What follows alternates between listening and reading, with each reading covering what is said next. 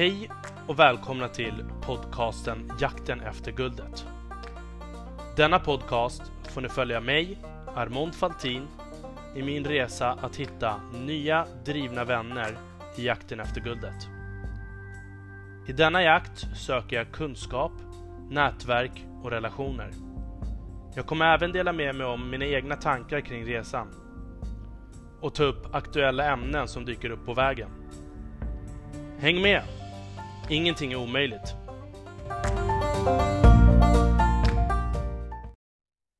Hej allihopa och eh, välkomna till ännu ett avsnitt av Jakten efter guldet. Här pratar vi om framgång, motgång och erfarenheter med folk som intresserar mig. Ni känner ju mig, mitt namn är Armond Faltin och idag så ska vi få möta en av Sveriges kanske största doldislegender på musikfronten. Som tonåring sjöng han en av landets mest älskade kärlekslåtar. Men sedan valde han en djupare och mindre tillgänglig väg inom musiken. Han var en inflytelserik kraft inom svensk elektronisk musik på 90-talet. Sedan gick han vidare till att göra musik åt långfilmer, tv-dokumentärer och megafet modereklam måste jag säga. Han vann pris för bästa musik på Stockholms internationella filmfestival två år i rad. Han har öppnat som förband åt Beyoncé i FNs generalförsamling i New York. Flera av planetens största varumärken profilerar sig med hans musik samtidigt som hans egna album flyger långt under radarn och går de flesta helt förbi. Det ska också sägas att han är han råkar vara min farbror. Och jag kan säga att han är på ett sätt också ett mysterium även för oss i familjen. Men eh, ja, det ska vi försöka ändra på här i alla fall. Mina damer och herrar, låt mig presentera rösten bakom gruppen Dive, Enter the Hunt och kompositören bakom musiken i filmer som Johan Renks Downloading Nancy, Tarek Sales Metropia och nyligen The Nile Hinton Incident. Min farbror, Christer Linder.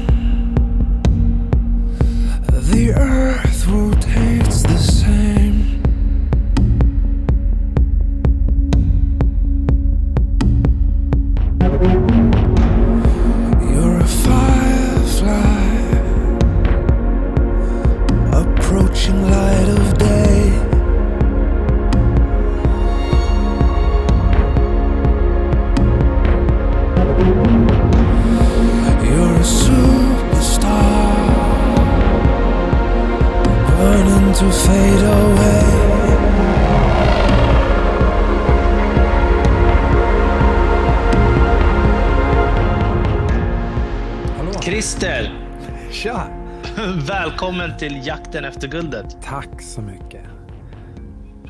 Du, jag tänkte så här. För att våra gäster ska få lära känna dig lite mer mm. så börjar vi att prata lite om din bakgrund. Vart okay. du är uppvuxen någonstans, vart du har gått i skolan någonstans mm. och lite vem du var. Mm, okay. Uh, eh, ja, börja, jag är född i Kongo, Kinshasa, huvudstaden i Kongo. Uh, av eh, svensk far och kongolesisk mor. Eh, pappa var där nere och jobbade som pilot och flygmekaniker eh, på eh, slutet av 60-talet. Och sen så föddes jag med eh, massa sjukdom, så jag hade liksom parasiter i hela kroppen. Och eh, eh, afrikanska läkare kunde inte bota mig och de hade eh, liksom, jag var ett lost case för dem. Så farsan flög mig till Sverige, svenska läkare lyckades bota mig här och eh, eh, sa att mitt immunförsvar var för svagt för att jag skulle palla bakteriefloran i Afrika. Så att farsan fick lämna mig i sin systers och hennes mans vård, min faster och farbror, som fostrade mig de första tio åren av mitt liv. Mm. Och hur, hur var det att växa upp? Var, var, vart någonstans bodde det, din faster och farbror? I Vasastan, eh, Vasastan, Stockholm, så på en liten gata som heter Idungatan, ungefär tio minuter promenad från, eh, från Odenplan. Så ja, gick jag i Matteusskolan, eh, fin vacker tegelbyggnad med massa fina så gamla citat på bibelord. Liksom. Mm. Vem var du i skolan? Um, lågstadiet som jag gick i Stockholm då, så var jag uh, blatten. Det fanns en del så här liksom mörkhyade och uh, vi, vi var lite utanför, om man säger så. Man kunde känna den här uh, subtila utfrysningen, liksom, att man var en lite lägre statusperson i, bland, bland barnen, så var man en smula utanför. Samtidigt så har jag fattat så här efterhand i livet att jag undrar om, om, om inte alla kände sig lite utanför. Mm. Jag har börjat undra nu, så här, man, kan, man kan ha trott att man själv var utfryst, men det är till och med så att man nu så här i efterhand undrar om inte den liksom, snygga tjejen i klassen eller tuffa, tuffa grabbarna i plugget, om de också på något sätt kände sig utsatta på något hemligt vis man inte förstod då. Ja, precis. Ja, och hur länge bodde du på Odenplan? Tills du var tio? Ja, tio. Och sen eh, däromkring så hade farsan lyckats få min mor och mina bröder, familjen, till Märsta som är längst ut på pendeltågslinjen mot norrort. Eh, från 40 minuter ungefär från Stockholm. Så hade de skaffat kåk där och vid tio års ålder så fick jag flytta till dem och fortsätta. Livet började om där. Liksom mellanstadiet och högstadiet i Märsta. Hur var det att få, från att komma vara ensambarn till att helt plötsligt få en stor tjock familj? Det var, det var som att, eh, lite grann som att jag hade vuxit upp i en trång, lite mörk, dunkel lägenhet i skymundan till att solen sken in i mitt liv och portarna öppnades och fick springa på grönbete. Liksom. Kunde skapa vänner och umgängen och relationer och leka. Liksom. Så det var, det var lite grann som att flytta fr from the matrix ut till naturen. Liksom. Det var ändå bra. Jag kan ändå tänka mig att många andra som är i de situationerna kanske börjar bråka med sina syskon eller känner att det liksom, de tar för mycket plats. Helt plötsligt så får du inte Coca-Cola-burken för dig själv utan måste slåss om den i kylen. Var det något sånt? Ja, men nej, min plats när jag kom in i gänget var eh, redan den var redan solklar. Jag var minstingen och eh, jag var heller inte fostrad på ett sånt sätt så att jag, eh, så att jag eh, tog mig några friheter eller ansåg mig ha någon rätt. Jag var, mina, mina fosterföräldrar, min faster och farbror, de var ganska stränga och konservativa och gammalmodiga. Och jag älskar dem för den platsen de har haft i mitt liv nu så här när jag är äldre så kan jag verkligen omfamna allt och förstå dem bättre också. Men jag var inte fostrad på ett sätt så att jag tog mig ton eller ställde krav. Mm. när, jag flytt, när jag kom till en större familj med eh, storebröder så visste jag min plats. Och eh, det mesta var bara, det var bara eh, en befrielse och en, ett äventyr och en upptäcktsfärd. Och brorsorna eh, jävlades med mig ibland, och, men var också fanns där för mig och de stöttade mig och de öppnade mig och de styrkte mig men också fuckade med mig och, och liksom gjorde mig stark på, på det sättet. ja, precis. Mm. Vad, när fick du ditt musikintresse och sådär? Mm. Eh, musiken, jag tror att jag blev, jag, blev väl, jag blev ganska tidigt i livet berörd av musik och kände dess magi.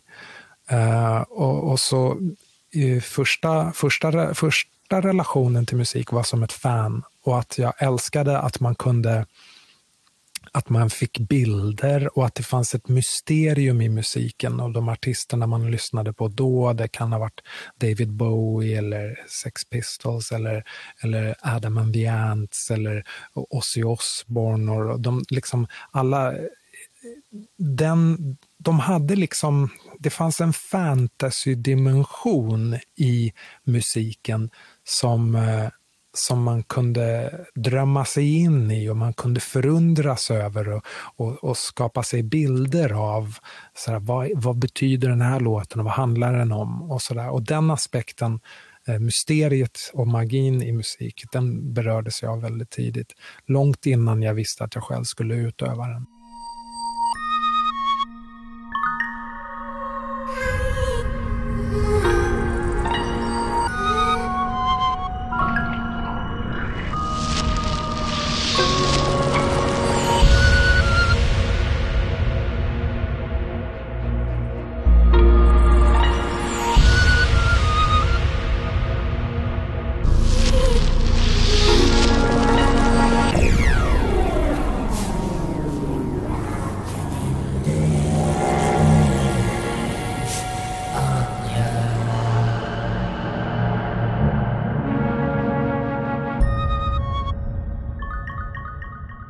Slog ju igenom ganska tidigt här vid 17 års ålder och mm. vid en väldigt stor och eh, känd film. På den tiden måste det väl ha varit den största filmen ja. eh, för svensk ungdom, Stockholmsnatt. Ja. ja, visst. Det var, det var, det var en, en stor vändpunkt i många liksom, Stockholm-ungdomars liv. Um, vi som hängde i Kungsan där då, vi, för oss så var ju det ett, ett en stor grej. Liksom, när kameran kom till stan och, och skulle plötsligt, eh, vi hamnade i rampljuset och alla, alla kände att det här var en chans att, eh, att på något sätt visa vem man var på en, på en högre nivå. Liksom. Mm. Och eh, vilka hängde du här med då? Var det Quincy och eh, Paolo? Då? Jag satt på pendeltåget mellan Märsta och stan Eh, Eh, och eh, Paolo kom in i tågvagnen med något litet gäng liksom, och kom fram till mig och började ställa frågor och kolla vem jag var och var nyfikna. Och jätte, liksom, de var verkligen de här fria radikalerna och jag hade aldrig träffat på eh, eh liksom sådana ungdomar förut. Och de bara på något sätt inkluderade mig i sitt lilla gäng och tog mig till, eh, till eh, Kungsan för första gången och när, den, när jag kom runt hörnet och den bara öppnade upp sig som ett hav av eh, ungdomar nattetid. Det bara, det bara puttrade och sköd i den grytan och de kände alla. Man går igenom folket och alla är bara tja, tja, tja, hej, hej och bara skakar tass och Paolo presenterar mig för den ena efter den andra. Bara det här är Christer, han är med oss. Liksom. Sen när eh, kravallerna skedde något år senare, jag var inte faktiskt i stan den kvällen, utan det var en av de kvällarna när jag gjorde annat och fick, eh, fick veta om det dagen efter och se det i tidningarna. Men eh, när det skedde och, eh, och Staffan Hildebrandt kom till stan och skulle börja göra filmen där, och, och då, då var det som att själva någonting i den här genuina underground-kulturen drogs till sin spets när vi, fick, eh, när vi fick på något sätt hamna i rampljuset och föreställa oss själva. Men det dog också nästan direkt efter det. Okej, okay, vad var det som hände? Varför dog det direkt efter? Nej, men det, det, jag tror att någonstans i samband efter det där så började de ju bygga om Kungsan och, och det var liksom som att bara på något organiskt sätt så splittrades gängen och spreds för vinden och folk dök inte upp i samma skara eller hade inte tillgång på samma sätt. Och det var, om jag minns rätt så var det Kungsträdgården en byggarbetsplats under lång tid och de byggde den här bassängen i mitten och det var liksom, det skedde saker och kanske i våra egna liv också, att folk hade funnit någon nisch och gick in i en fas i livet där de kanske gick in i relationer eller, eller fokuserade hårdare på sina, på sina åtaganden eller vart de ville i sina liv. Det kanske var den eran i våra e personliga liv, men också att, att på något sätt Stockholm gjorde någonting med Kungsan som gjorde att, att det blev inte mysigt att hänga där. Liksom. Mm. Säkert uträknat, men strax efter Stockholmsnatt som pikade våran liksom ungdoms... Eh, den, den, den resan, strax efter det så skingrades vi också för vinden. Alltså det måste ju ha varit otroligt att få en sån där uppmärksamhet när man är 17 och på något sätt så är man väl ändå odödlig vid den åldern, eller? odödlig är det. Ja, men känner man inte så? jo, men samtidigt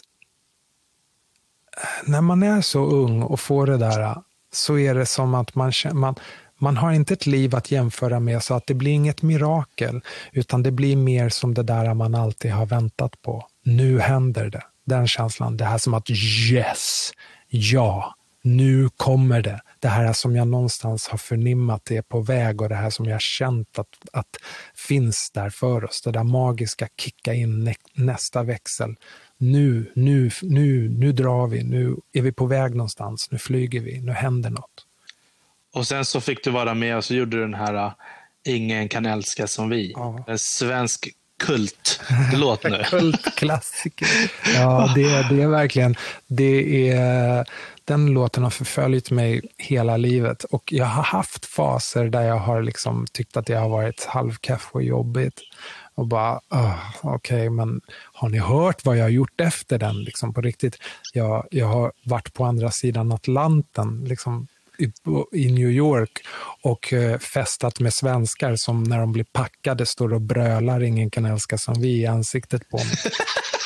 Och det är bara så här, men skärp er, vi är på andra sidan jorden och jag ska behöva utstå samma låt här liksom på fyllan, vrålad om och om igen i fejan på mig. Sjung den Christer, sjung den Christer. Ja, sätter de på den bara för att du är där då? Det har också hänt. Det har också hänt att folk liksom tror att jag på något sätt skulle liksom, ah, spänna ut min påfågelfjäder och bara njuta av att få höra min egen musik på en fest och kanske göra en pose och mima med till låt. Lägg av! Lägg av! Stäng av! Fan, vad gör du? Vad gör du? Stäng av! Nej men Christer, det här är ju så jävla bra. Stäng av! Oh, jag kan verkligen tänka mig det.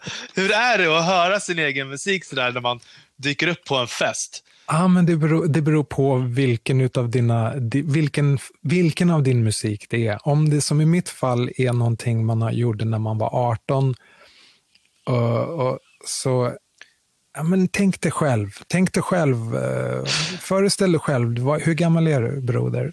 Eller du behöver 34. inte svara på det, men okej, okay, du är 34 bast. Och någonstans en gång i månaden så får du e-mails från folk du inte känner som, som ber dig att komma på deras bröllop och dop och sjunga den här låten som du gjorde när du var 18. Och du måste förbli trevlig, för du vet att den här låten har betytt mycket i, i, i människors liv och den är ändå liksom inte att skita på och du kan inte sabba det, för den har en viktig plats i deras hjärtan. Men en gång i månaden månaden får du säga nej till folk du inte känner om att sjunga den på deras bröllop. Som om du vore en clown till kaffet. Och du ska sjunga en låt som du skrev när du var 18. Är det så det känns att du skrev den när du var 18? Det är inte så det känns, det är så nej. det är. Jag skrev den när jag var 18. Och nu är du 34, jag är dubblar din ålder. Och så, nej det gör jag inte, men nästan. Och sen så liksom hela livet så får du så, så, så, och, och, inte bara det, tänk dig också att du skapar saker när du var 18. Så, så vass som du var då, så, så mitt i prick som du sköt då, så att det berörde folk på det sättet det gjorde då. Det slutade inte där. Du försvann inte in i något dim, dimhölje eller drogtöcken eller blev sämre. Ditt instrument blev bara vassare och vassare med livet. Och någonstans så har du bara blivit bättre och bättre på din grej. Men det enda folk minns dig för och det enda folk känner till av det du har gjort är den där dängan som blev, eh, hamnade på Svensktoppen och blev mainstream eh, älskad när du var 18. Mm.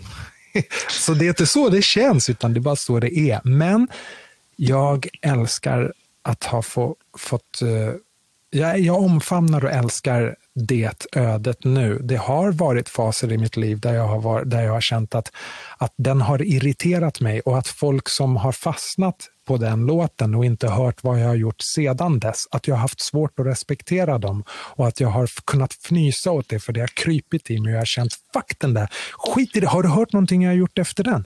Nej, ja, men pff, snacka inte med mig, du vet ingenting om min musik. Jävla bra, du gjorde den där marionetter. Men vadå marionett? Har du hört någonting efter det? Nej, men då vet du ingenting om mig. Men sån är jag ju inte och jag säger ju inte så. Jag har nog aldrig varit en sån som beter mig så, men jag har kunnat känna så. Mitt lilla ego inombords har kunnat hetta till på det sättet och känna så. Men Eh, även det har jag försonats med och omfamnar nu och är tacksam att jag, att jag eh, ändå har eh, kunnat göra någonting som har haft betydelse för folk. För efter det så blev jag väldigt, eh, började jag forska så djupare i mig själv och liksom min musik blev mer för mig än någon annan. Så det är ändå fint att jag har fått göra någonting i mitt liv, om än tidigt, som ändå har, eh, har bidragit till folk på ett, på ett, på ett fint sätt. Mm. Du har vunnit Ikaros-priset. Ja, just det. Just det. Som är ett eh, P3s eh, eh, ett radiopris. Ett pris för det bästa radioprogram det året som P3 brukade ge ut. Jag vet inte om de gör det fortfarande. Men mm. jag och min dåvarande partner Katarina Eriksson, vi skapade radioprogram och gjorde en hel del musik också. och gjorde, gjorde ett program som heter Radio Holtkötter som blev väldigt, väldigt skumt och omtyckt. Så vann vi pris för det och så fick vi göra mer radio. Mm. Och så har jag ju sett också att du har jobbat med, vad heter han, Johan Renk? Eller säger man Renk? Renk. Renk. Renk eller Rennik? Uh, nej, Renk. Renk. Ja. ja. Du gjorde musiken där till en HN-kampanj med Karl Lagerfeld och så. Ja, som också ja, vann pris. Ja, fast, fast sanningen är att vi har nog gjort säkert 10-15 hm kampanjer tillsammans, jag och Renken. Och eh, Lagerfälten var en av, de, en av de första vi gjorde.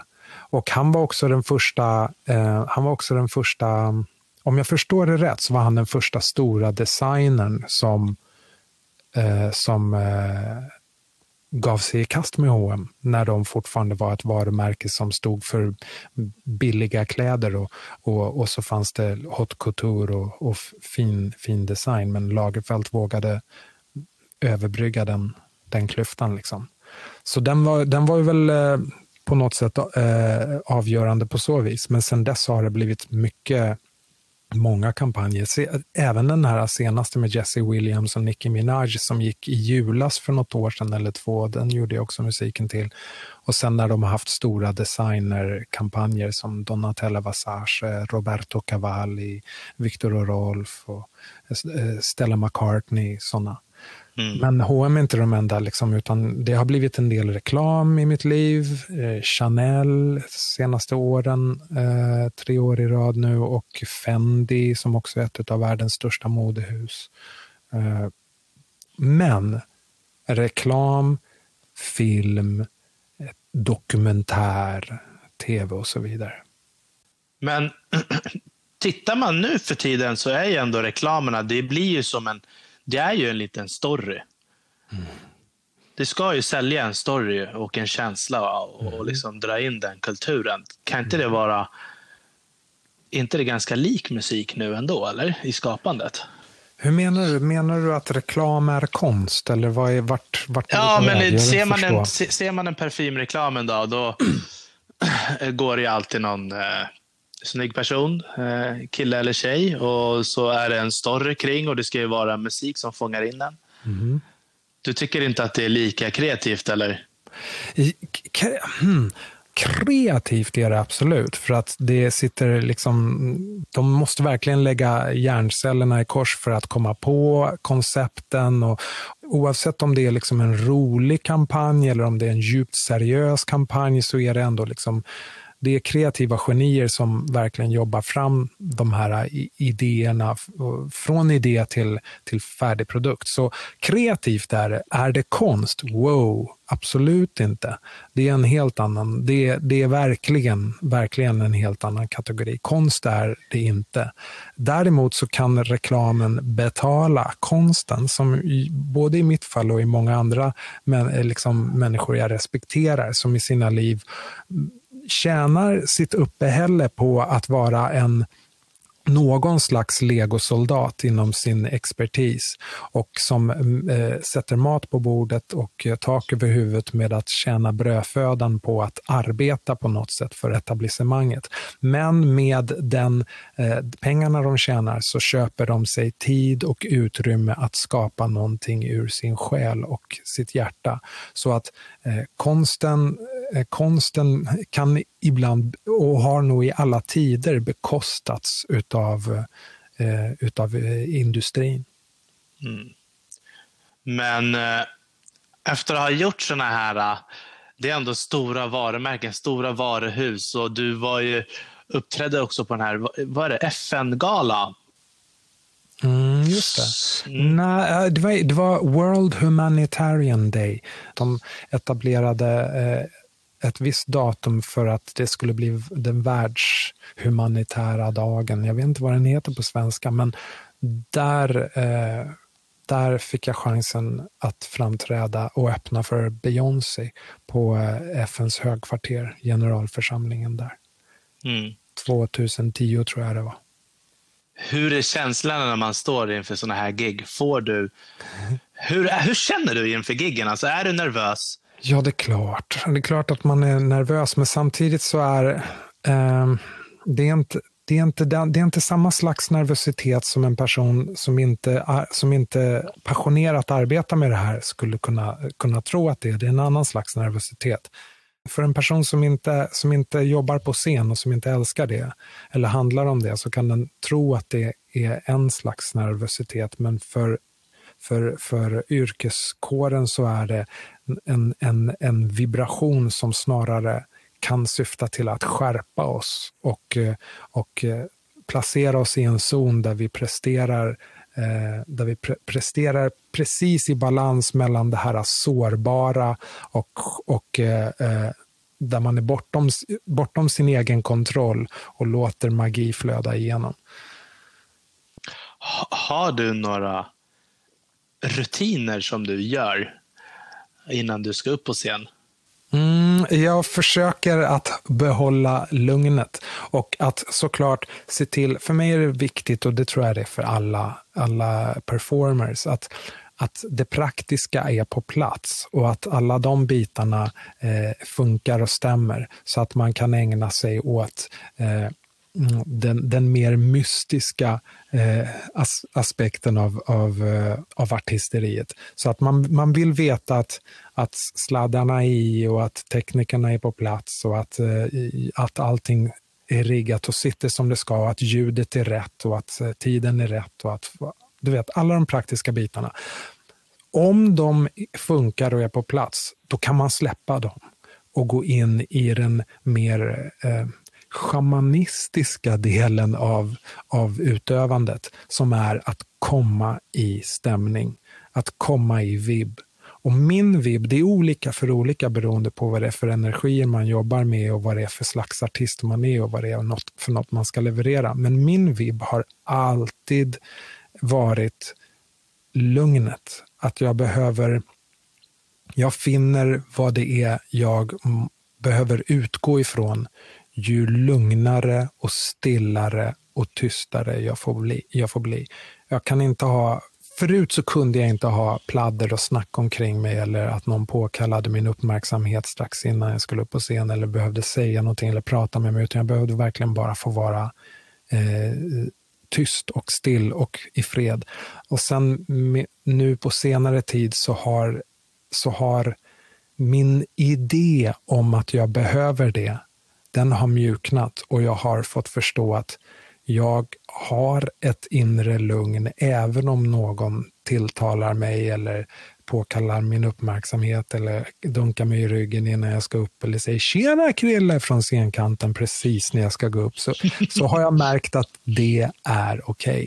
Och att det finns ett, eh, det finns ett lugn eh, inombords som, som, som eh, jag kan stanna i och som inte behöver ruckas. När jag var yngre då var det mycket viktigare, då var man väldigt specifik. Man kanske tog sina kristaller till studion och man måste ha, ha en speciella kläder. Jag var tvungen att sjunga barfota ett tag i mitt liv. Så var det sådär, jag kan inte sjunga med skor på scen. Det var precis det jag tänkte fråga dig.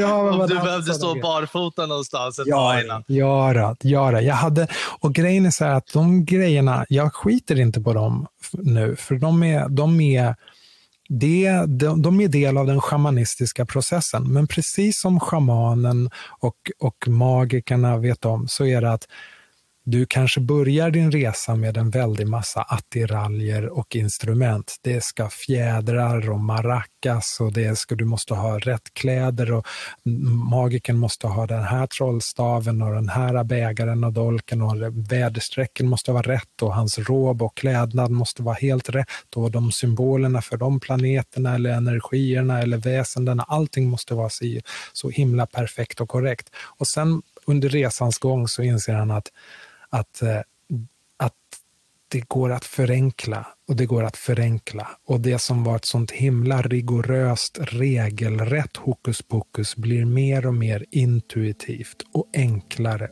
och osynligare tills du är någon som inte behöver de här attiraljerna och extra, extra grejerna utan bara med ett andetag can bring you there.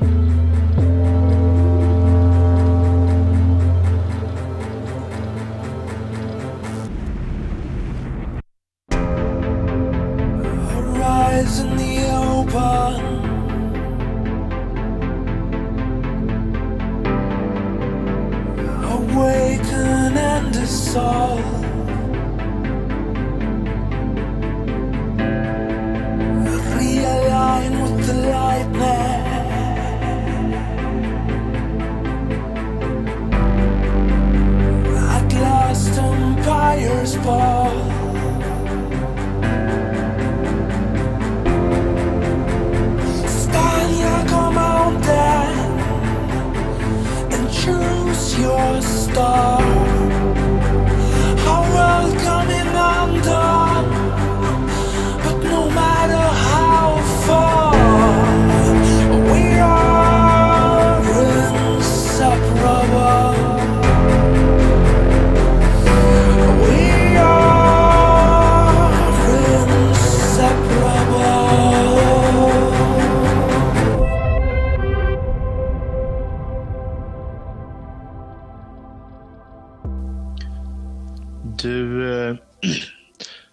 Flyttade ju till New York där ett tag. Mm. Hur, hur, var, alltså, hur var situationen där? Att liksom, du lämnade allt här hemma i Sverige och så bara flyttade du till ett storstad. Alltså, ja. och, alltså, hur, hur var det där? Och det måste ha varit några så motgångar som du kan bjuda på här. Ja, kanske motgångar som har blivit lärdomar eller Ja, fint. Fint uttryckt motgångar som har blivit lär, lärdomar. Jag har nog inte upplevt motgångar. eftersom resan var ett äventyr. Motgångar skulle jag nog kunna se det som om jag hade en agenda. Om agendan var att jag ska bli störst i hela världen eller att jag ska slå på stort eller att nu ska min sanna Amerika få, få lära känna mig och då hade man kunnat se, med förväntningar kommer besvikelser och med en agenda kan man se saker som ett misslyckande. Men eftersom min resa var nästa naturliga steg på mitt äventyr, mitt livsäventyr, så, så, så var jag bara tacksam över, över över alla steg på vägen. All, allting jag fick uppleva där, flytta till en ny nation på andra sidan liksom Atlanten, i ett, i, en, i ett land där jag inte har några meriter och inga, ingen backkatalog eller fans att luta mig mot och ingen som känner till mina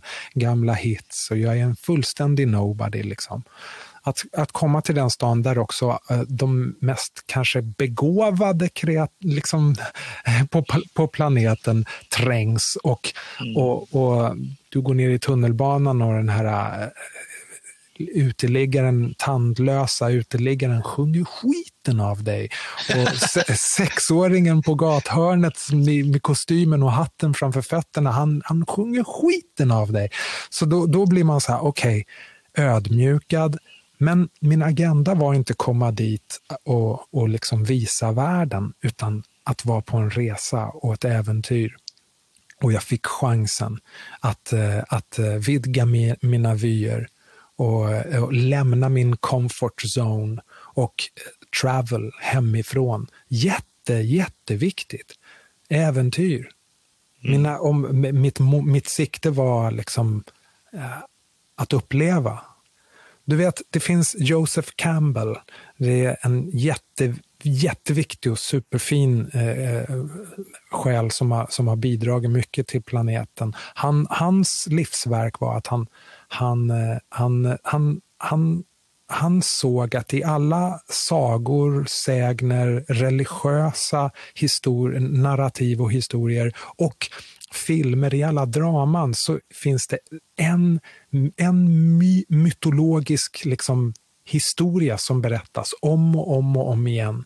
Och det är mänsklighetens historia, det är individens historia, det är en resa, det är en resa som vi alla gör, hjältens resa. Oavsett vem du är på planeten så är det den resan som, som, på, som på något sätt ligger och vibrerar under ytan i allas liv. Och man, man, skulle kunna sammanfatta det som så att det handlar om att lämna sin comfort zone. Någon tvingas eller lockas av någon anledning att lämna sin comfort zone och måste resa hemifrån, ur byn eller hem någonstans för att kanske de har inte fått någon skörd på många år eller någon skatt måste jagas. Och så mm. gör den en resa och någonstans på den här resan så finns det olika arketyper som man träffar på, som vi alla skulle träffa på oavsett vilken resa vi gör. Om du gör det som entreprenör eller om man gör det som bohem och schaman eller om man gör det som artist eller om man gör det som vilken resa, som pappa, vem, vilken resa man än gör. Okej, okay, så du stöter på vissa karaktärer här de är jätteintressanta och de kan du fördjupa dig i om du kollar in den här, det här konceptet. Men resan går ut på att lämna sin comfort zone, åka hemifrån, göra ett äventyr. Någonstans på äventyret måste man konfrontera en, en stor en stor, det stora okända eller det stora omöjliga. Frodo måste konfrontera, du vet, han ska han, han, måste slåss mot det onda, det, stor, det största onda i världen. Du ska slakta draken eller du ska eh, komma med ringen till den här vulkanen och, och släppa den. Mm. Du måste göra det omöjliga och sen så när du har, när du har erövrat det här omöjliga och, och, och klarat det så, så återvänder du hem och delar bytet eller historierna eller fångsten med, med, eh, med byn. Det är, det är den resan alla gör. Vi, vi tvingas hemifrån, vi gör en resa, vi erövrar och, och, och tänjer våra gränser och finner eh, en kraft större än vi trodde vi, vi hade. Klarar det här stora omöjliga och sen återvänder vi och delar bytet eller frukterna av vår resa med vårt folk. Hur alltså, hur tyckte du att de kulturella skillnaderna var gentemot Sverige? För du är ändå uppvuxen med mångkultur, men det finns ju ändå en enormt stor skillnad på amerikaner och svenskar. Mm. Ja, ja det är någon, ja, Wow, nu vi går in på skillnader där. Det är så skillnader individer i, över hela världen, även svenskarna sinsemellan är ju så, det, från individ till individ så finns det ingen snöflinga som är den andra lik. Och, men som du också säger, som folk, från folk till folk, folkslag till folkslag, nationer till nationer, så finns det någon slags frekvensskillnad. De har en annan bandbredd och en annan vibration. Ja, är det någonting, för att svara på din fråga, var det någonting jag märkte som amerikanerna var annorlunda, det Sverige som jag växte upp i och som har format mig, för jag är väldigt svensk. Det fick jag förstå när jag, häng, när, när jag åkte till New York. Så fick jag mer perspektiv på vad, hur jag är formad. Um, är det någonting jag märkte som amerikanerna har annorlunda mot oss så är det att de jag ska inte säga amerikanerna, för New York är inte Amerika, har jag också mm. fått förstå av amerikanare. Det är inte jag som säger det, utan de är noggranna med att så här, de stora städerna som New York, LA, San Francisco, det är liksom, de är sina egna små världar. Men det jag ska säga då om New Yorkarna är att de bejakar dina skills. Och de, för, de, även om de inte bejakar dem så förväntar de sig att du ska bejaka dem. Vi i, i Sverige så är vi väldigt ödmjukade och, eh, och på, på, på gott och ont. Jag älskar den, den grunden som har lagts i mig av den svenska kulturen och att jag har fått det här äh, äh,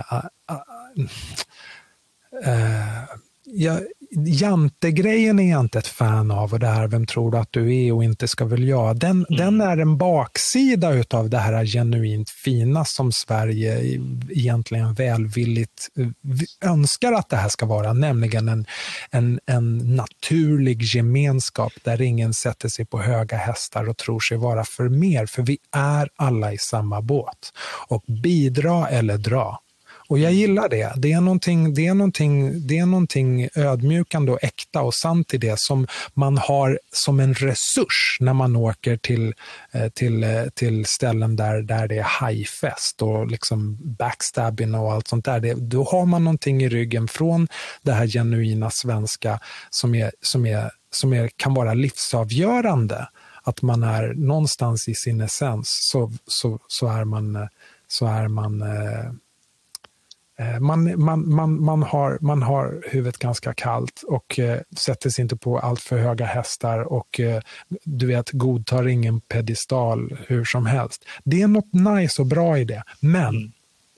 men New Yorkaren blir genuint förvånad när du skrapar med tårna och står med mössan i hand och, och stammar lite grann när de frågar vad du har gjort.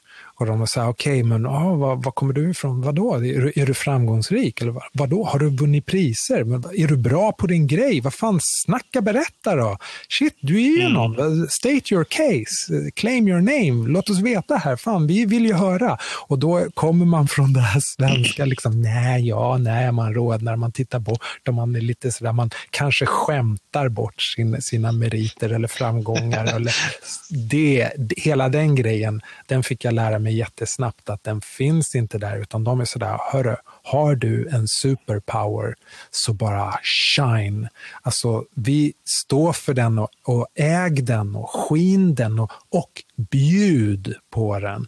För det är inte bara det som vi lärde att att man, att, man, att man slår på sin egen trumma och tror sig vara något och sätter sig på höga hästar, utan det handlar också om att man kommer till en kultur i New York där, där som, som gror och sjuder och puttrar av samarbeten och att folk vill eh, att, att kreatörer från världens alla hörn kommer dit för att skapa eh, tillsammans. Så de behöver veta, vad har du, vad har du, vad kan du, vad är du bra på? Och, så, och, och, och, så fort de får fatta vad, vad din skill är så vet de, okej, okay, du ska ju snacka med den och den. Vänta, jag ska sätta dig i kontakt med den här killen. Och så bjuder de på ett telefonnummer eller ett visitkort eller en kontakt till någon som, som, som är rätt för dig eller fel. Men men hela den approachen är vad, som, vad New York sjuder och lever utav. Det får New York att växa.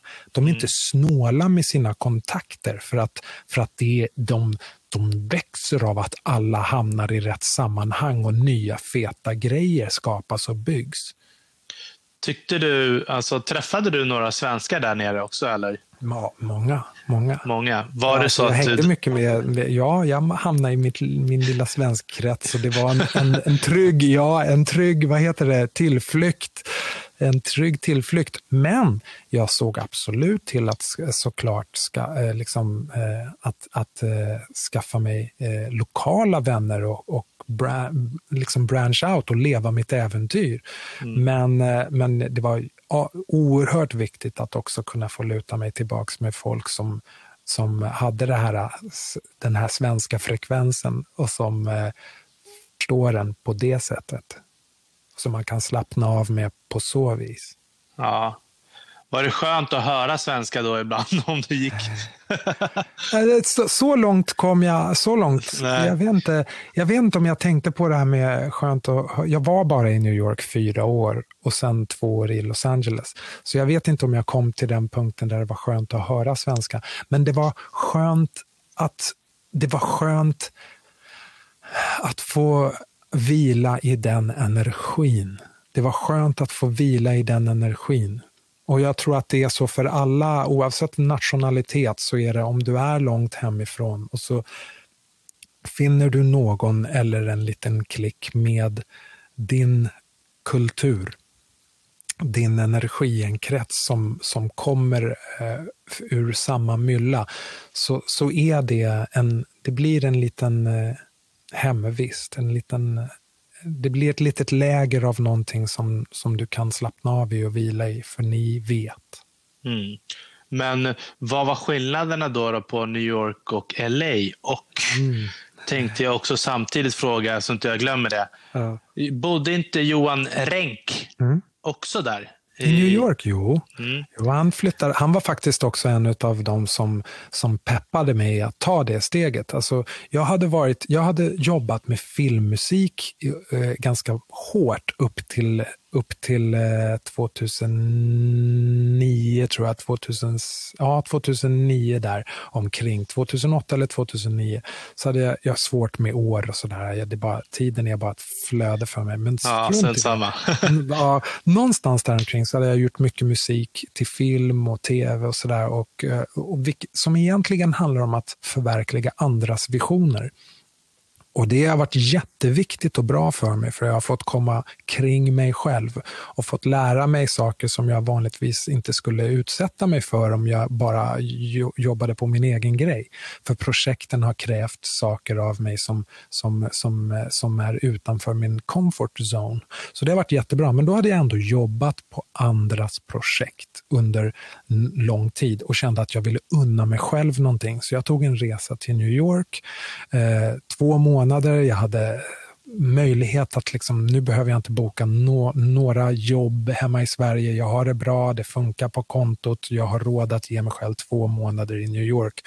Och på något poetiskt vis bara ge mig till ett äventyr i den här eh, liksom staden som jag har sett på film och läst i serier sedan jag var barn och liksom har en massa romantiska idéer kring eh, liksom poetiskt nattens stad, staden som aldrig sover, där sjuder och puttrar, Batman, Gotham, allting. Liksom. Mm, Så jag bara, mm. okej, okay, nu, nu, nu ska jag få ge mig den här känslan. Och min ursäkt var att jag skulle ta den som inspiration till min egen nästa platta för jag har alltid känt mig sådär ända sedan graffititiden i Kungsan, så jag har känt mig som någon sån street. Jag kommer ur gatan, jag älskar gata.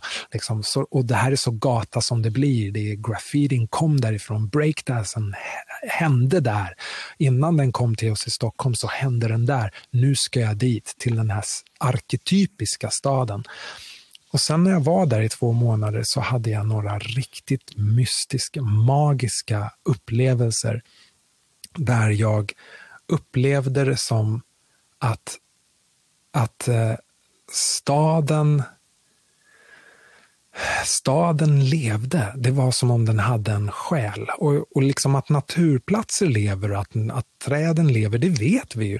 Men att en stad skulle leva, det var, det var det, nice. var, ja, det var oväntat. Det var nice, men det var oväntat för mig. Så jag började min, min två månader i New York med att gå promenader upp och ner längs med avenyerna och gatorna och hade musik i hörlurarna och utforskade och hamnade på platser. Liksom. Älskade det. Fotograferade med min lilla telefon och sådär. Och, men så på, på min den här poetiska resan så hade jag så idéer om att ah, ja, nu tror jag jag fattar. Nu fattar jag, trodde jag. Att jag. Jag trodde att jag läste New York på något sätt på min resa. Men varje gång som jag tänkte så här, ah, ja, jag fattar nu vad du är, och, men du har det här och du är så här, så visade hon mig att jag hade fel. Varje gång som jag trodde att, hon, att jag hade sett någon begränsning hos, hos henne, jag kallar det för henne för det känns som stadens själ är feminin, som att det är en drottning. Men varje gång som jag tänkte så här, ah, ja men du har det här men du saknar det här, så visade hon mig det kring nästa hörn eller nästa dag. Men jag, det, var så, det var så tydligt att sakerna jag tänkte på något sätt blev speglade i mina promenader och på saker, i saker jag mötte på vägen. Eh, så att jag kände, men det är någonting som på allvar kommunicerar och samspelar och dansar med mig här. Det var så tydligt. Och det, nu har jag för, fått förstå att det är så överallt i livet, men vissa platser kanske gör det lättare för en att upptäcka det och hitta det än andra. Och vissa platser kanske vibrerar intensivare än andra eller försedda med tätare liksom, äventyr än andra. Hur som helst, jag, jag tog mig två månader i New York och sen när jag fatt, under de två månaderna så fattade jag att jag kunde få komma dit och, och uh, vara där och leka och leva och utforska ett äventyr där.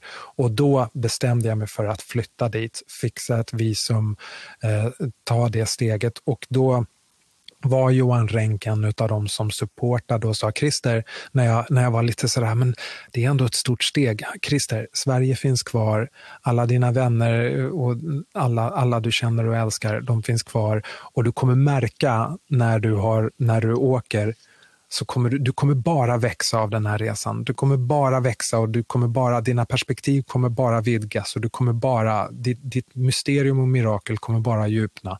Och du kommer märka när du kommer hem och hälsar på att ingenting har förändrats. Inte då, en enda minut. äh, nej, att det är sådär, allt, Christer, du var inte rädd, det bara, det bara åk. Och då tog jag det steget och det ångrar jag ju såklart inte. Men jag tänker så här då, uh, för att mer konkretisera. Mm. Vad, hur var skillnaderna mellan New York och LA och vad är liksom lärdomarna du har tagit därifrån? Och hur känner du att det är nu att komma hem? Mm.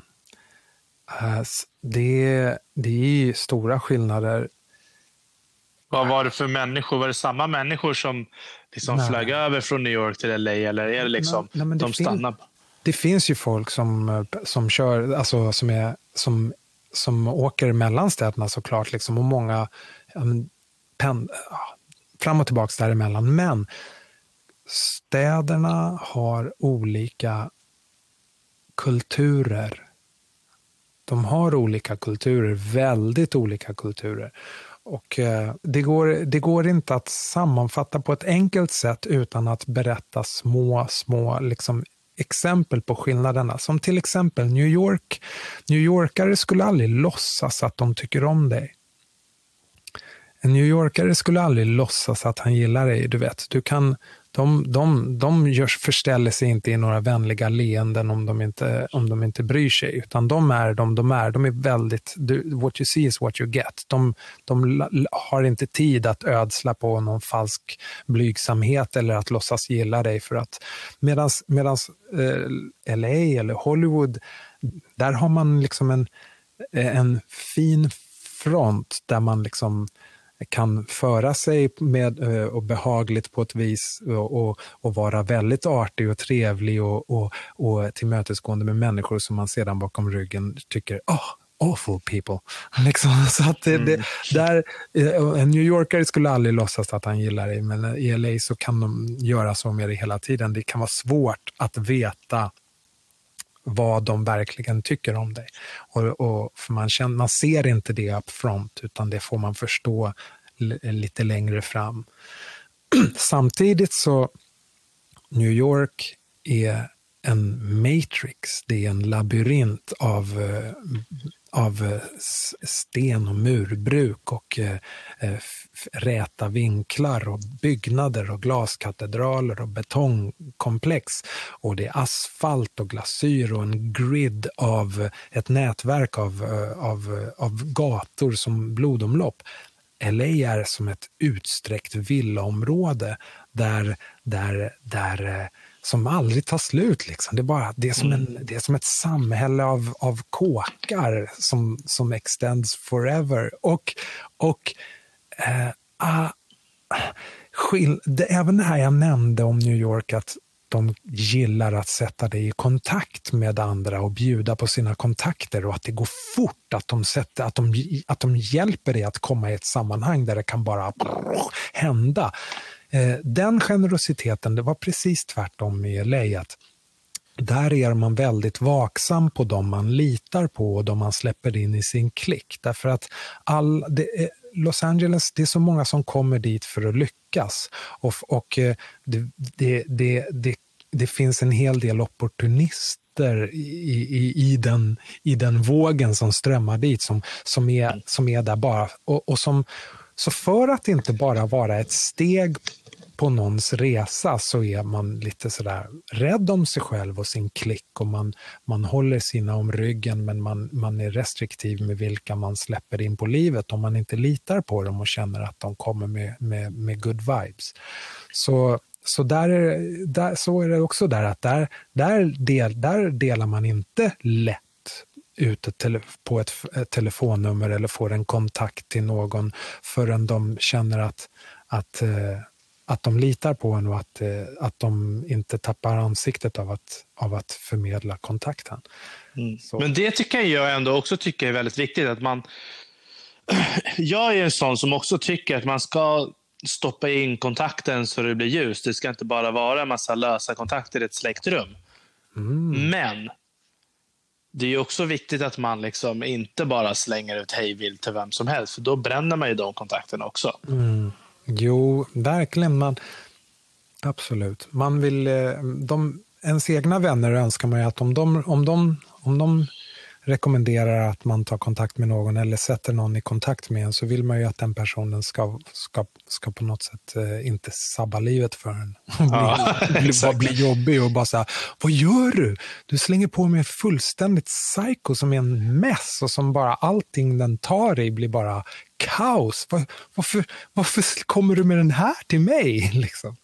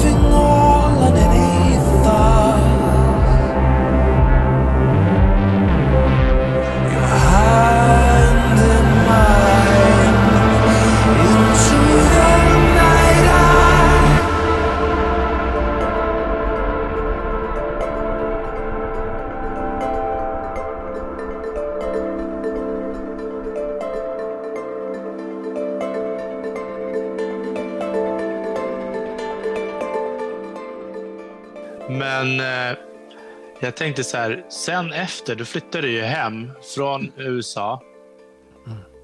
Och du känner att du är på en annan plats i livet nu. Har du någonsin tänkt på om du skulle vilja jag vet inte, hjälpa tillbaka de andra, de som inte kanske har lika mycket erfarenhet, någon slags mentorskap eller manager eller jag vet inte, till den yngre generationen? Ja, ja, ja. Alltså, jag eh, skulle gärna, jag skulle gärna bidra.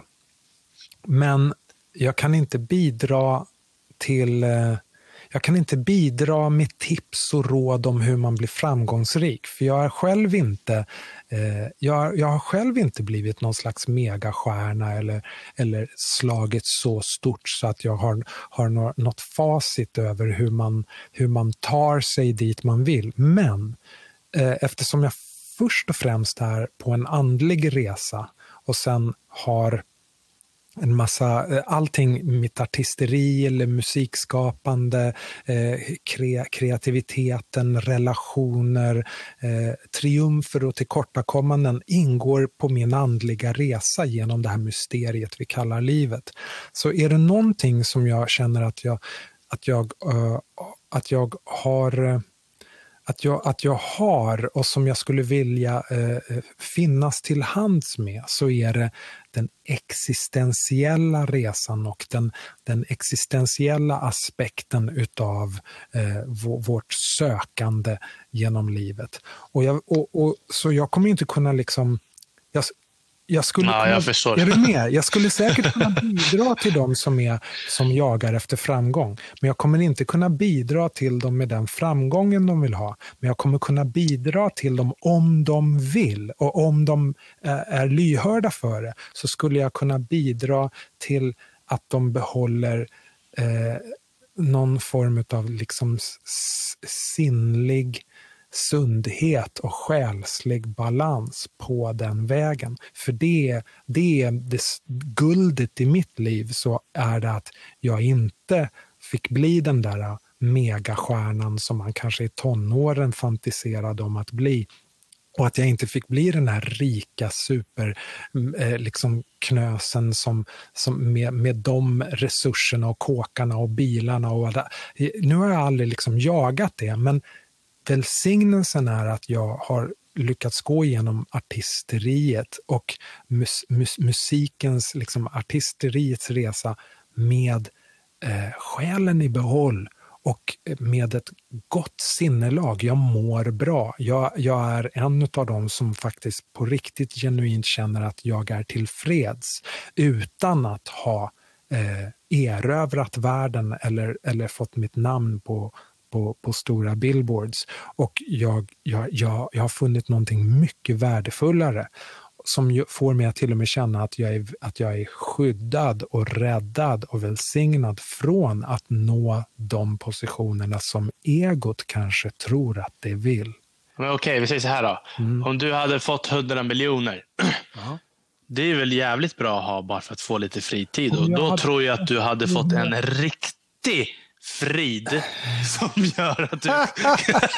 det tror inte jag. Det du hade fått en sån frid så, så att liksom den andliga biten Nej. hade nog förmodligen äntligen kunnat komma till ro.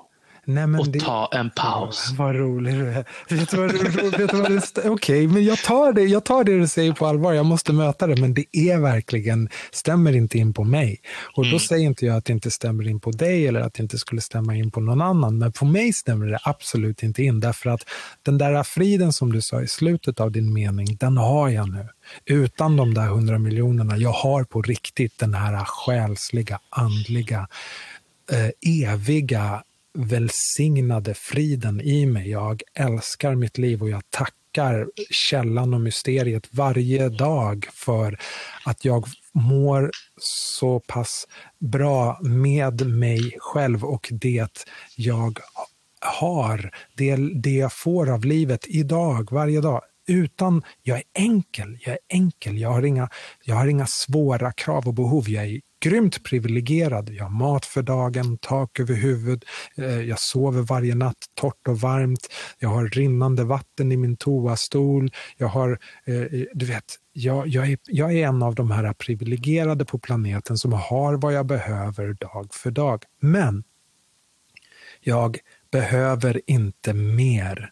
Jag, jag, lever redan som den kungen som jag skulle kunna tro att jag behövde bli rik för eller bli känd för att sedan få kickback och slappna av.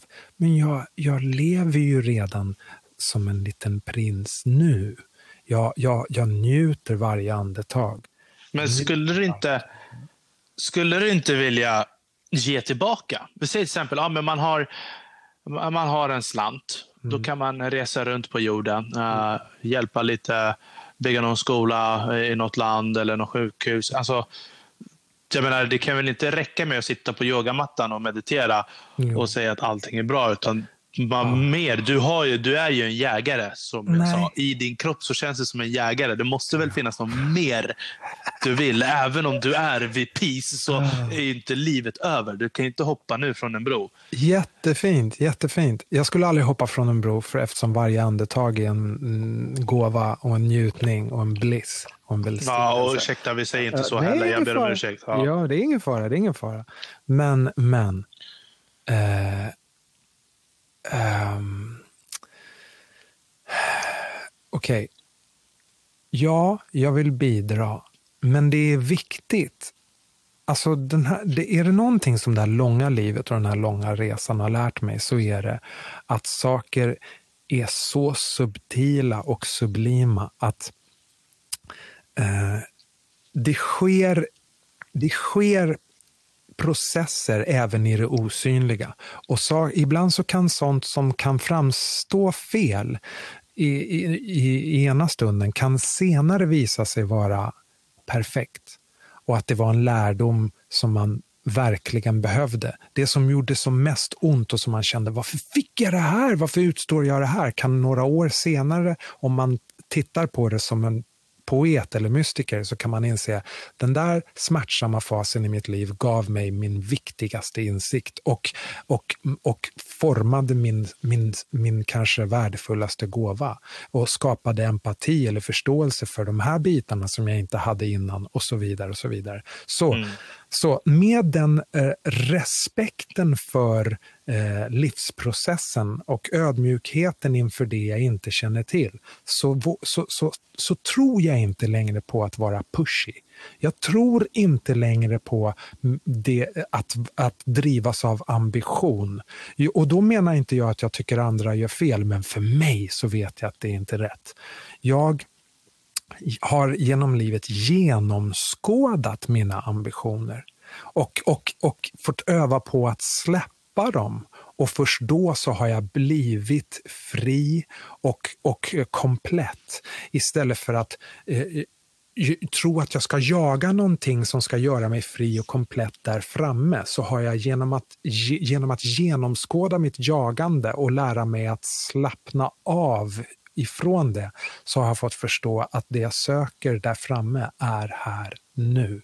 Så när du, om du frågar, liksom, vadå, vill du inte bidra? Jo, jag, jag, jag vill bidra, men jag vill inte bidra så hårt så att jag, så att jag börjar pusha mig som en eh, bidragare. Nu ska jag bli den nya jag ska styra upp det här i folks liv och jag ska lära dem och jag ska och jag ska ge och nu ska jag etablera mig som. Nej, inte Nej. Utan, utan bara så här, jag måste ta jätteförsiktigt och vara still och se och känna och hinna med och förstå att vilken process jag är i, vilken fas jag är i livet. Nu är jag i en fas där jag har, där jag har full frid, där jag har fått finna allt som jag sökt efter. Jag har ingen ambition, jag längtar inte efter något, jag njuter varje andetag och allting är här. Det finns inget där framme eller där borta som jag saknar eller söker. Jag Gud, älskar... Skönt. Ja, det är, det är magiskt. Det är magiskt. Men jag är där nu och då är frågan precis det du säger precis det du säger är den fasen jag är i nu. Den här, en liten, liten vibration i mig som säger Ja, men räcker det? Eh, ja, det räcker för mig. Ja, det räcker för dig. Men nu när du är komplett och har frid, vad säger alla de visa genom historien och i alla tider? Det är när du, när du är, är liksom, när du är, when you're good, bidra. När du har det bra och du är trygg och du, du är safe, hjälp någon upp på det torra. Så, så jag känner den vibrationen i mig. Jag får bara inte låta den eh, liksom make me pushy till en ny idé om mig själv eller en ny identitet. Eller en Men varför ska det handla om dig? Är inte det att du har en gåva, du måste ge den till någon annan. Ja, you need to do the sacrifice. Put yourself outside och du vet, bara liksom, jag vill ju tjäna pengar för att hjälpa mina nära och kära. Och jag har ambitioner och jag, alltså jag vet exakt hur jag vill leva. Och Det handlar ingenting om mig. Ah. Och Det är det som gör att jag kan ställa mitt ego helt och hållet åt sidan. Ah. Skita hur jag mår, skita om inte jag äter jättebra och sover jättebra. Alltså, that's my sacrifice. Jag förstår. Alltså, ska jag hålla på hoppa in i någon andlig grej, då är det tusen gånger värre. Mm, du tror det, du tror det men jag, ja. jag, köper inte vad du säger. Men jag respekterar att du tror det. Ja, jag respekterar ja, att det är den... Nej, det finns inget att ursäkta för. Men jag vet att jag respekterar att det är den verkligheten som du ser nu och lever i just nu. Men jag, min livsresa låter inte mig tro att, det, att, den, att den är hela sanningen. För Ja, ja, det dyker spontant upp frågor som till exempel vad, varför tror du att, att eh, din, din ekonomiska rikedom är det bästa du kan bidra med till dina nära och kära? Varför tror du att om du blev rik och tjänade pengar, att det är det finaste och bästa du kan ge till din till your people. Vad, vad är det för något som säger att det är ur din finansiära rikedom finansiella rikedom som dina största gåvor till din omgivning skulle komma. Hela den idén är, går att vrida och vända på och upplösa. Den kommer gå... Nej, men den har jag redan vridit och vänt på så många gånger. Så ja. Bara ekonomisk stabilitet och sen kan jag resa och om jag vill liksom träffa någon eller uh, om de vill träffa mig så kan man flyga in dem. Det är ingen fara. Men jag vill resa runt i djungeln, Amazonas, mm. i Afrika och allt det där. Och, och de som vill göra det och de som vill bo och, leva samma liv som jag eh, kan få göra det. Om de var på någon annan plats så ska de få göra det. Mm. Uh, det är väl bara det. Mm. Men alla har ju sin, sitt eget guld och du ja. har hittat ditt guld. Ja. Så det är nice. Ja, och jag unnar dig verkligen din resa och, och ditt guld också. Men jag finns samtidigt eh, som din farbror och som ditt intervjuobjekt just nu så finns jag. Det här bidragandet som du nu pockar på, det, det utövas precis som vi nu. gör nu. Ja, ja, precis. Det enda jag kan bidra med det är att när du säger, men vadå, vill du inte? Så säger jag, jag kan inte push myself på världen. Jag kan inte, jag kan inte vara ha en ambition att ge. Eh, för det blir inte bra för, för i mig. Jag blir, det blir inte bra mellan mig och andra då och det jag ger blir inte, det blir inte harmoniskt. Det, jag har sett genom livet att det blir inte rätt. Utan det en, den enda positioneringen som verkar harmonisk för mig är att lägga min växel i neutral och åter landa i min kompletta stilla hemvist och frid där jag inte behöver något av världen och inte behöver ge något till världen.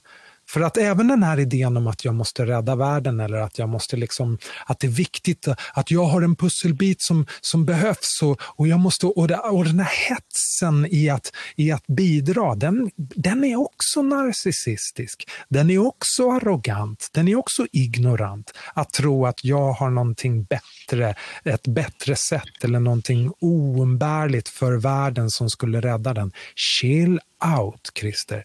Don't be, don't be pushy psycho, utan stanna, be, var still. Och vad händer när man stillar sig och landar sig i sig själv? Jo, med sitt klara seende som öppnas upp då, så ser man att livet sköter det här. Livet sätter mig i det här samtalet med dig, min brorson.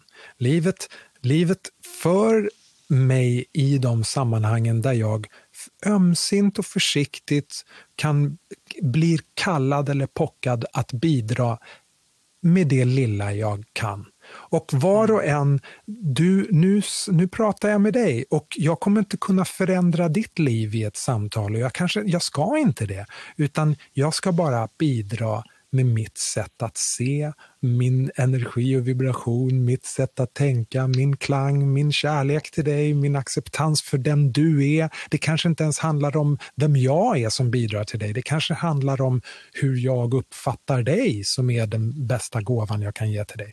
Så jag känner i mig att det rör sig en önskan att kunna bidra med det existentiella som, och det själsliga som jag funnit på min, på min väg. Inte någon nyckel till framgång, utan en nyckel till inre frid.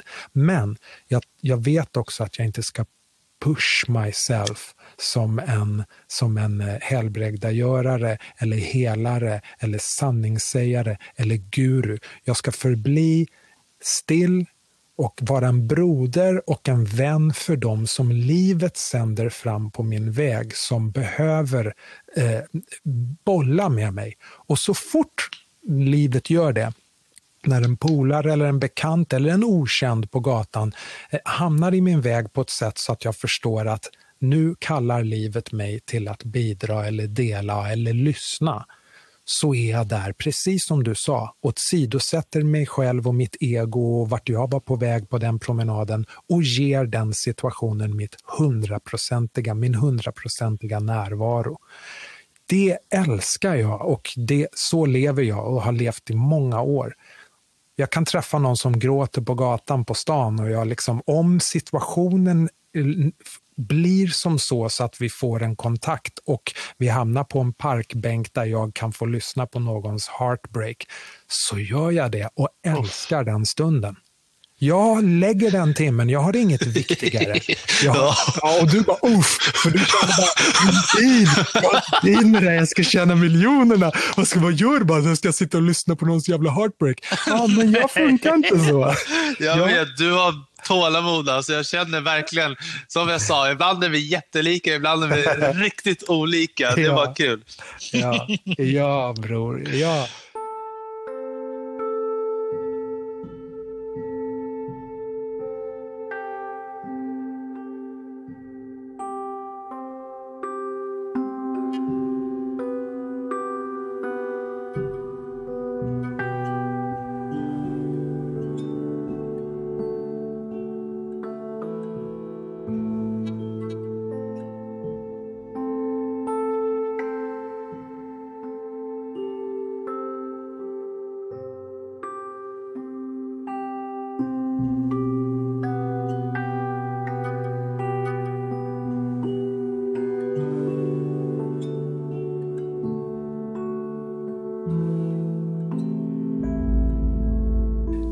Ja, mitt tålamod har också sin gräns. Jag har inte tålamod för bullshit. När jag säger bullshit, då menar jag jag känner när en situation inte, inte behöver mig eller där jag inte kan bidra. Om någon bara tar min energi eller min tid och, den inte, och, jag, och den, det finns, att jag inte finns för den på något bra eller hälsosamt sätt.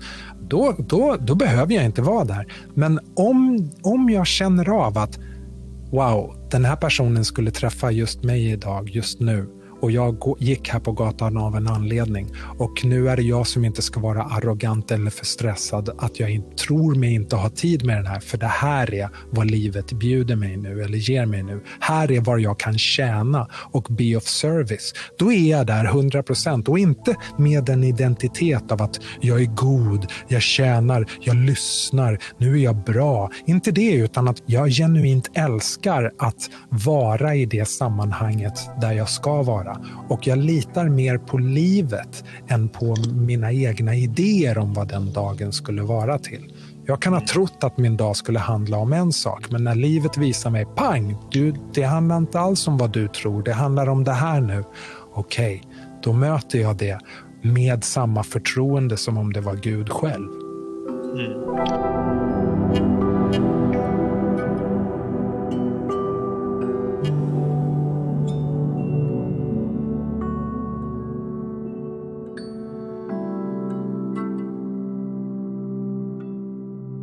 Men du, Christer. Ja, jag tycker att det här har varit ett fantastiskt samtal. Detsamma broder, detsamma. Alltså, jag vet att det kommer vara mycket. Jag har ju några. Det är ju trendigt nu med att folk ska vara själsliga och, och meditera. Alla entreprenörer ska göra sånt. Så nu hoppas jag att det är många som lyssnar här Okay. och tycker om det här. Och exakt så som du säger. Du bidrar ju nu när du är med i podden här. Ja. Och folk förstår verkligen inte. Varenda gäst som jag har Mm. skapar och bygger min podd. Vackert. Utan dem kan inte jag få nya gäster, jag kan inte bredda mitt portfolio. Alla har exakt sin egna viktiga plats. Så att Mm. du bidrar jättemycket. Och Tack, tack, jättemycket för att du eh, ville vara med i Jakten efter Jakten guldet. guldet. Jakten efter guldet, ja. Mm. ja men min ära broder, verkligen min ära. Och eh, fint att få förbrödra med dig lite, lite grann så här också. Och att, eh, och att du var nyfiken på och ville, ville ta ett snack med din gamla farbror och höra vad det är för en kuf. ja, jag vill egentligen gräva en massa mer, men jag vet att jag kan inte... Jag måste ju själv låta lite professionell. Så att, eh, Nej men alltså, jag är här för dig och för det. Så nu eller när som. Det, Mm. Finns det något, och du vet, jag, jag kan inte vara något annat än, än det, den jag är. Så du får de svaren jag kan bidra med. Vare sig Ja. det är de du vill ha eller inte. ja, jag vet. Jag vet. Jammar. Tack så jättemycket och till alla er andra där ute. Vi hörs igen nästa vecka. Jakten efter guldet mina vänner. Med vänliga hälsningar Armon Faltin.